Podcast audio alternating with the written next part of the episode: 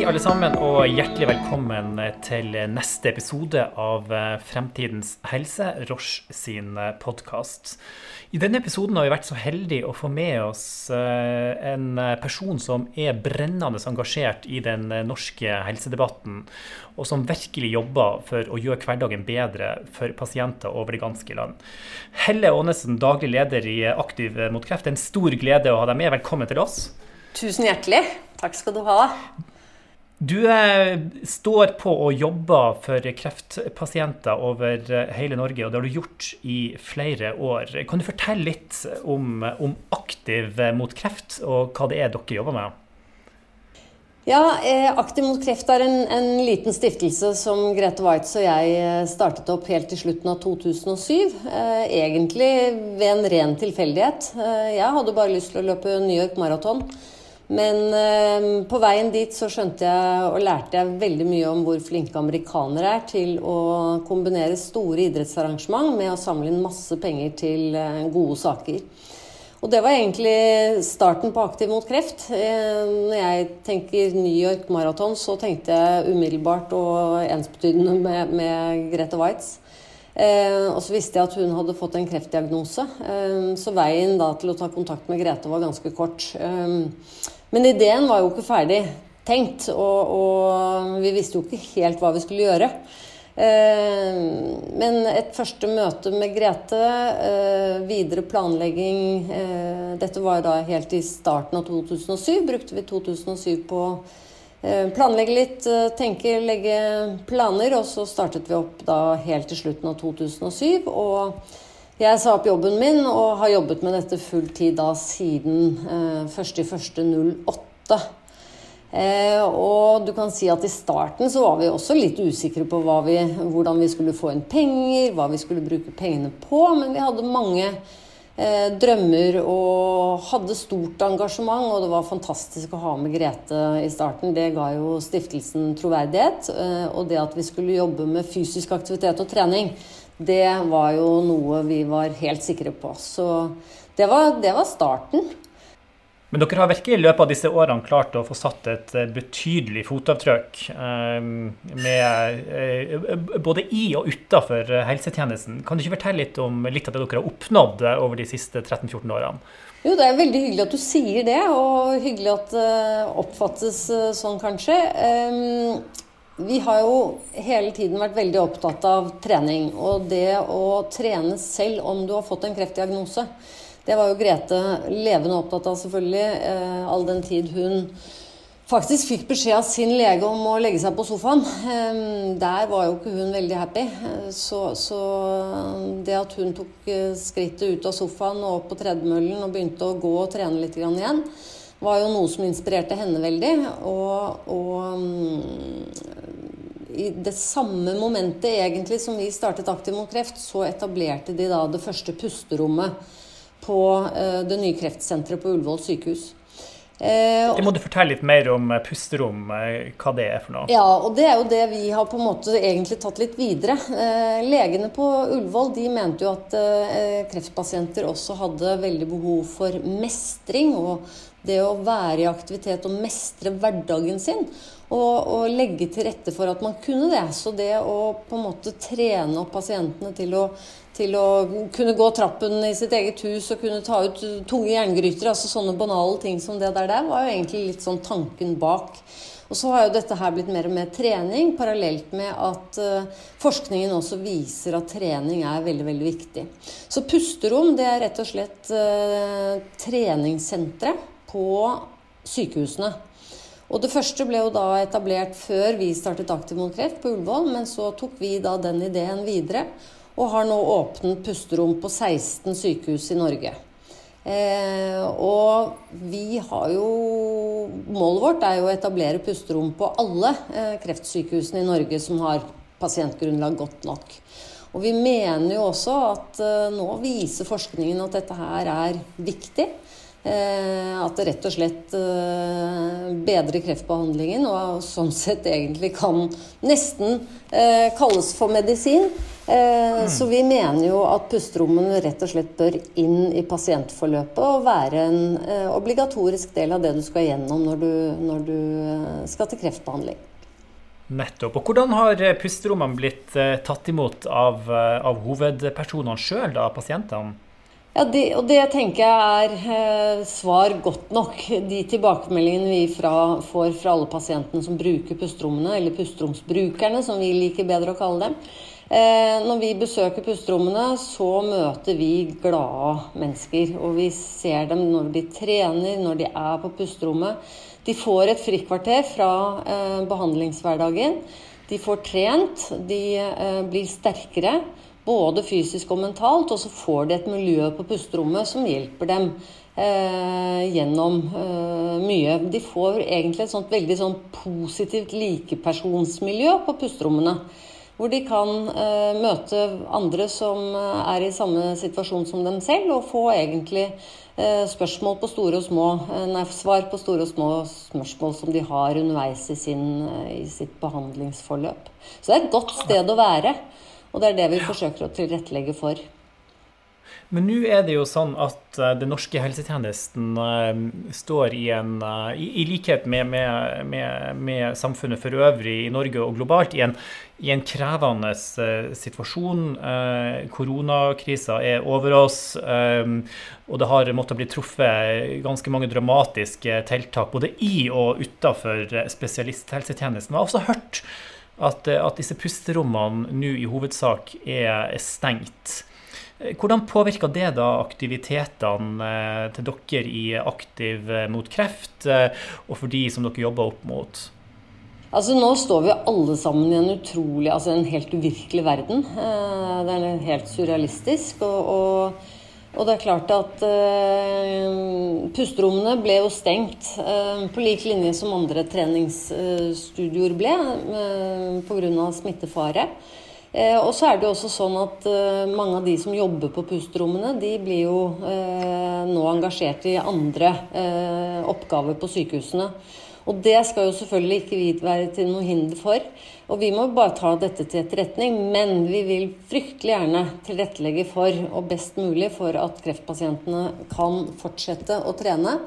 Eh, og også med den kyndige veiledningen som de får på pusterommet, og som er veldig, veldig viktig. Så det vi da vi, vi, kokte hodene litt sammen her uh, i begynnelsen av denne koronakrisen, og, og, har faktisk i dag lansert det vi kaller for pusterommet hjemme. Rett og slett uh, publiserer vi treningsøkter i, ulike, uh, med ulike intensitetsskalaer. oppvarming, balansetrening, styrketrening, utholdenhetstrening og ikke minst også en avspenningsbolk. Eh, som ligger ute på våre hjemmesider. Og som er tilrettelagt for at, dette, for at det er noe du kan gjøre hjemme. Du trenger et par eh, sko. Eh, og det er i grunnen det du trenger. Selvfølgelig da sammen med en mobil eller en pad eller en PC som, som viser disse treningsøktene. Og det er da full tid. Så det er ikke bare eksempler på øvelser, men du, en pusteromsleder er liksom med deg hele veien. Så full fulltids treningsvideoer. Så disse programmene de er også da tilrettelagt eh, for, eh, for, kreftpasienter, sånn at man skal kunne klare å gjennomføre de også med det energinivået man, man, man har i en sånn situasjon? Akkurat. Og, og, jeg tror alle pusteromsbrukerne vil kjenne seg veldig godt igjen.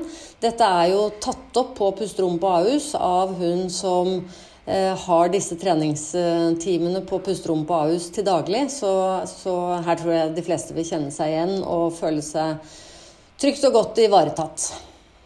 Så eh, mestringsfølelse, det er et vektig viktig stikkord her? Ja, mestringsfølelse er et veldig viktig stikkord. Og så har jo vi også lagt vår elsk på et nytt ord, og det er prehabilitering. Eh, så dette med trening kom, ønsker jo vi at skal komme inn så tidlig som mulig i behandlingsforløpet. Egentlig med en, altså Selvfølgelig ønsker vi at folk skal trene lenge før de får en kreftdiagnose også. Eh, men vi ønsker at dette med trening skal komme inn så tidlig som mulig i forløpet. Og rett og slett bidra til at du er best mulig forberedt til den behandlingen du skal gjennom. Så prehabilitering er eh, vårt nye favorittord. Og vi ser jo også at prehabilitering har hatt en kjempeeffekt på de pasientene som har gått gjennom et strukturert prehabiliteringsforløp. Er det også noe som er anerkjent i medisinske miljø? Ja, og det var veldig morsomt, for vi ble, vi, ble, kontaktet av et, uh, av et, miljø på Ahus. Nemlig de som da driver med tarmkreftbehandling på Ahus. Uh, de hadde vært i Holland, lært om prehabilitering. Fikk muligheten til å faktisk sette i gang et prehabiliteringsforløp på Ahus. Og hvor de har fantastiske resultater. Eh, og det betyr at de bruker disse 35 dagene som man har eh, fra man har en eh, grunnet mistanke om en kreftdiagnose til behandlingen starter. Så bruker man de 35 dagene til å forberede pasienten best mulig. Og på den måten, og det er da ikke bare med trening, men med trening som en viktig ingrediens, sammen med kostholdsveiledning, røykeslutt og ikke minst også det å få kunnskap om det man skal igjennom. Ehm, så disse fire elementene utgjør da dette prehabiliteringsforløpet, hvor hver enkelt pasient føler virkelig at han eller hun tar del i sin egen behandling, og føler at man er i gang med behandlingen fra dag én.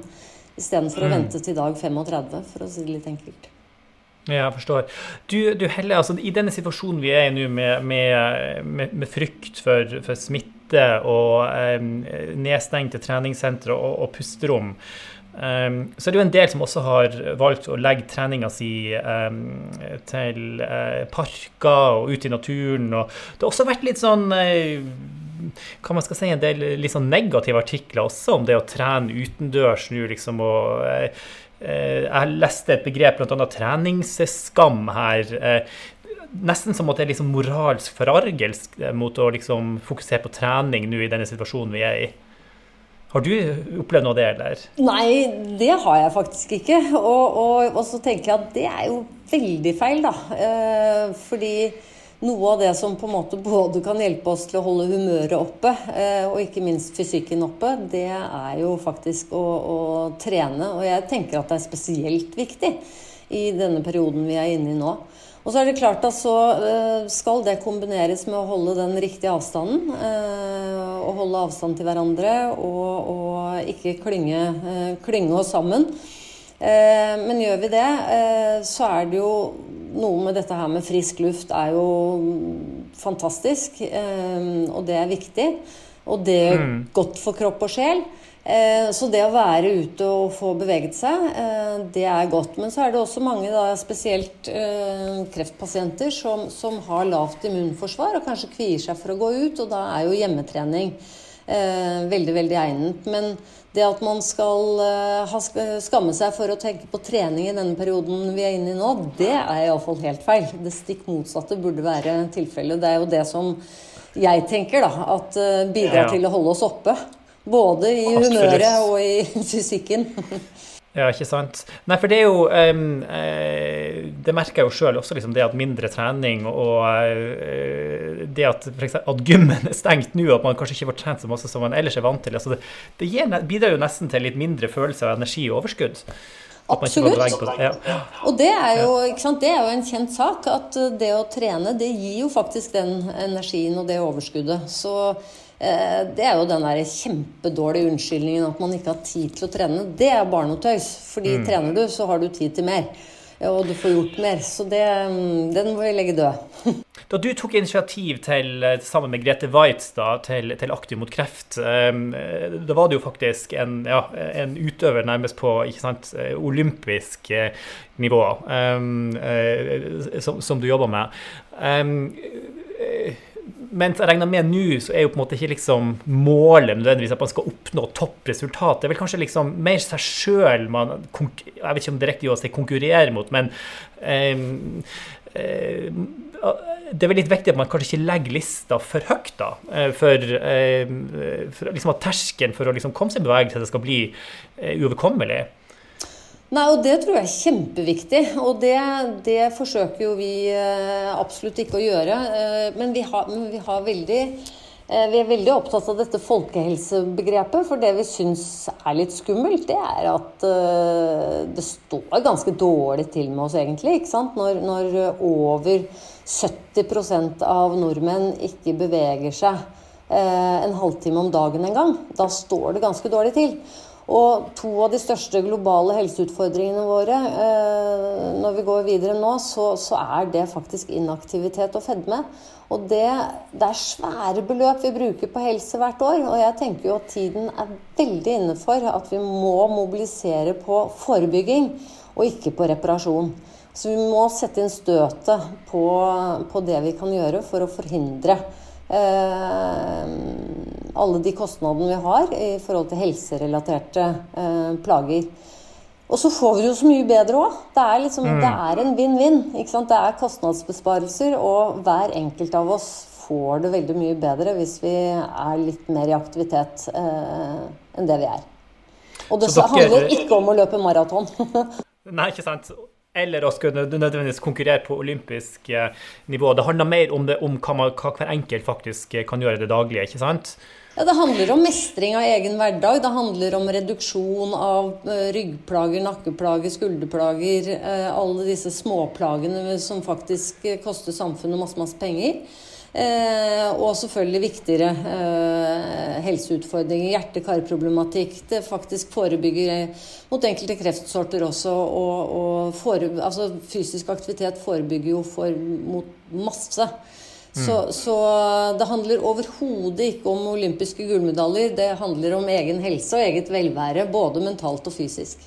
Nettopp. Så dere i Aktiv mot kreft dere viser virkelig vei i uh, i folkehelsepolitikken. Eh, hvor ser du for deg at dere i Aktiv mot kreft er om la oss si, ti år, ti år fram i tid? Da håper jeg iallfall at vi har eh, fått muligheten til å etablere pusterom på de sykehusene vi enda ikke har eh, etablert pusterom på.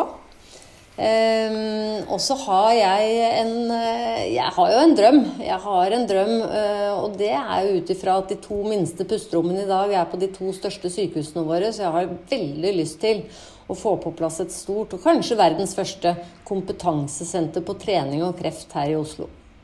Wow, det høres utrolig spennende ut. Helle Aanesen, tusen hjertelig takk til deg for at du satte av tid til å, å snakke med oss i uh, podkasten vår i dag, og lykke til videre.